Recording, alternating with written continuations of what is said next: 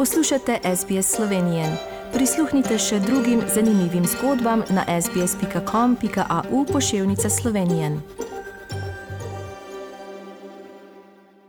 Poslušate slovensko dan na radiju SBS širom Avstralije in po svetu. V trenutnem okolju COVID-19, v katerem smo se tudi tako rekoč za, zaprti, recimo v Sydneyju v lockdownu, nažalost nismo lahko v Sydneyju konec junija podelili priznanje najbolj zaslužnim slovencem eh, za leto 2020 v New South Walesu in tudi obenem praznovali eh, prireditev ob 30. Eh, obletnici slovenske samostojnosti, kot ste v vseh ostalih mestih po Avstraliji. In zato smo danes ponovno povabili voditelja odbora za celotno prireditev v New South Walesu, Walterja Šubarja, da nam pove nekaj novih informacij v zvezi s to prireditvijo, ki je bila takrat postavljena. Najprej pa seveda lepo pozdravljen eh, ponovno na slovenski vdaji Radia SBS. Hvala lepa, Tanja, in, in hvala vsem skupaj. Firstly, know, we talk a little bit more about the, the current situation with COVID and uh, how we weren't obviously able to celebrate the 30th anniversary of independence, and as was planned on the 27th of June. Walter, as the chairman of the overall event, uh, uh, unfortunately, uh, we were the only ones not to celebrate that officially as a community in, in Australia. Yeah, look, uh, we were exceptionally unlucky there. I mean, the plans were absolutely wonderful. Everything was pointing to be a uh, fantastic event, and uh, everybody was going to have a lot of fun. So it is a shame that um, COVID came along and spoilt it, but uh, all the hard work's been done, Tanya, which is fantastic, which means that now that we've got a new date, which we'll talk about in a moment, uh, we can actually just reintroduce everything in there and um, know that everything will be working accordingly.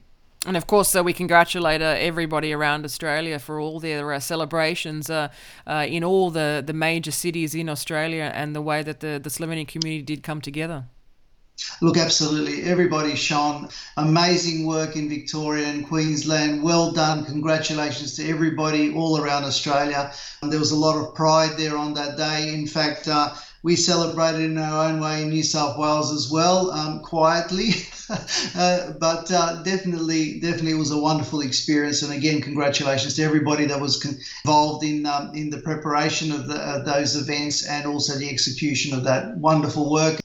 I must remind us uh, that one thing that did actually go ahead that day on the 25th of June was that we had our Slovenian flag flying outside Parliament House in on Macquarie Street in uh, in Sydney.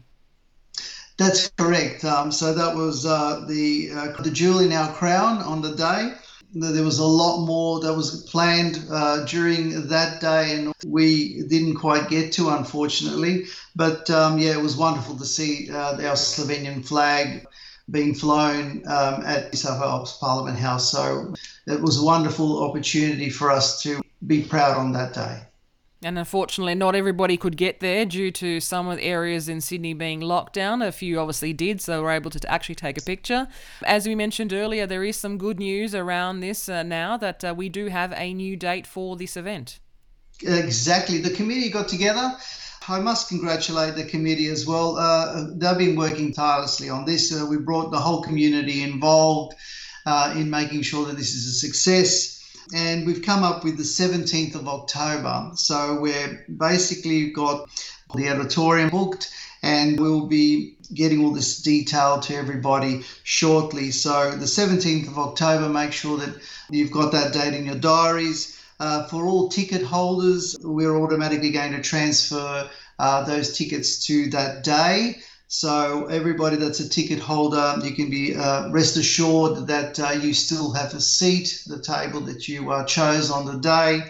So uh, we just basically are transferring that's from the 27th of June to the 17th of October. So God willing, everything goes well um, and we're COVID free. We'll just keep everybody in the loop and make sure that everybody understands how we're tracking right to that date.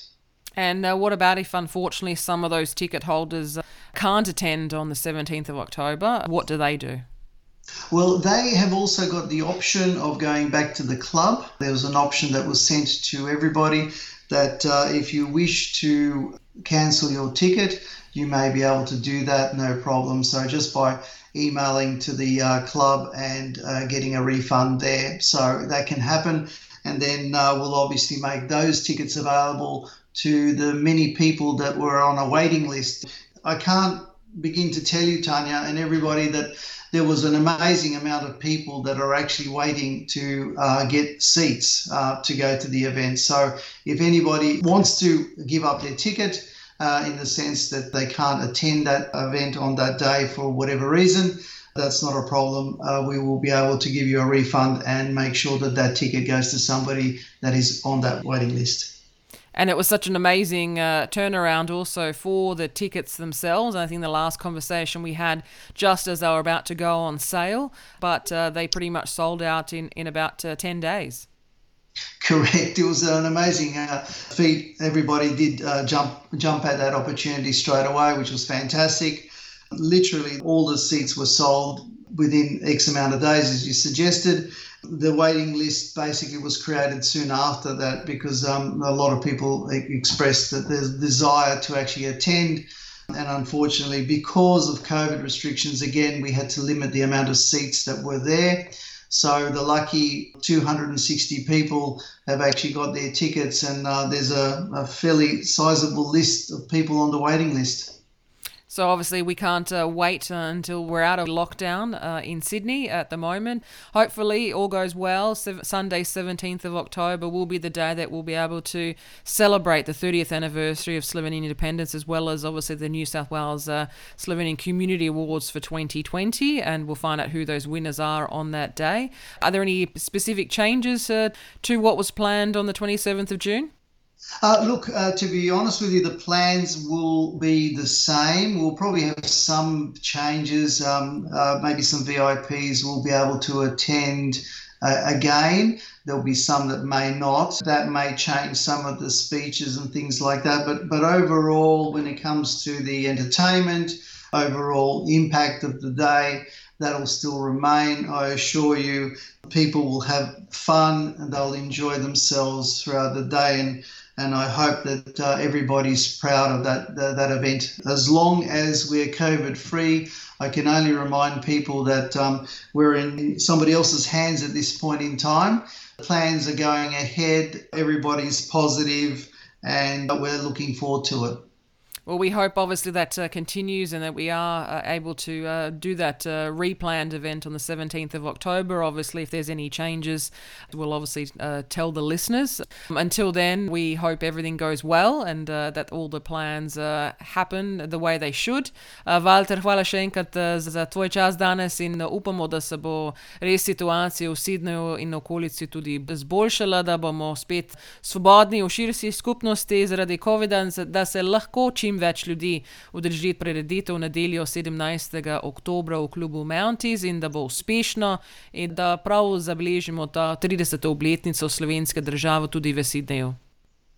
Thank you, Tanya. I wish everybody to be safe. Make sure that they abide to the COVID restrictions that we've got in New South Wales so we can get out of this um, current uh, situation as early as possible and make sure that the 17th is exactly where, the way we want it to be. Shenkrat lepa hvala, Tanya. Vsi skupaj hvala lepa. Imejte se dobro. Všečkaj, deli, komentiraj. Spremljaj SBS Slovenijo na Facebooku.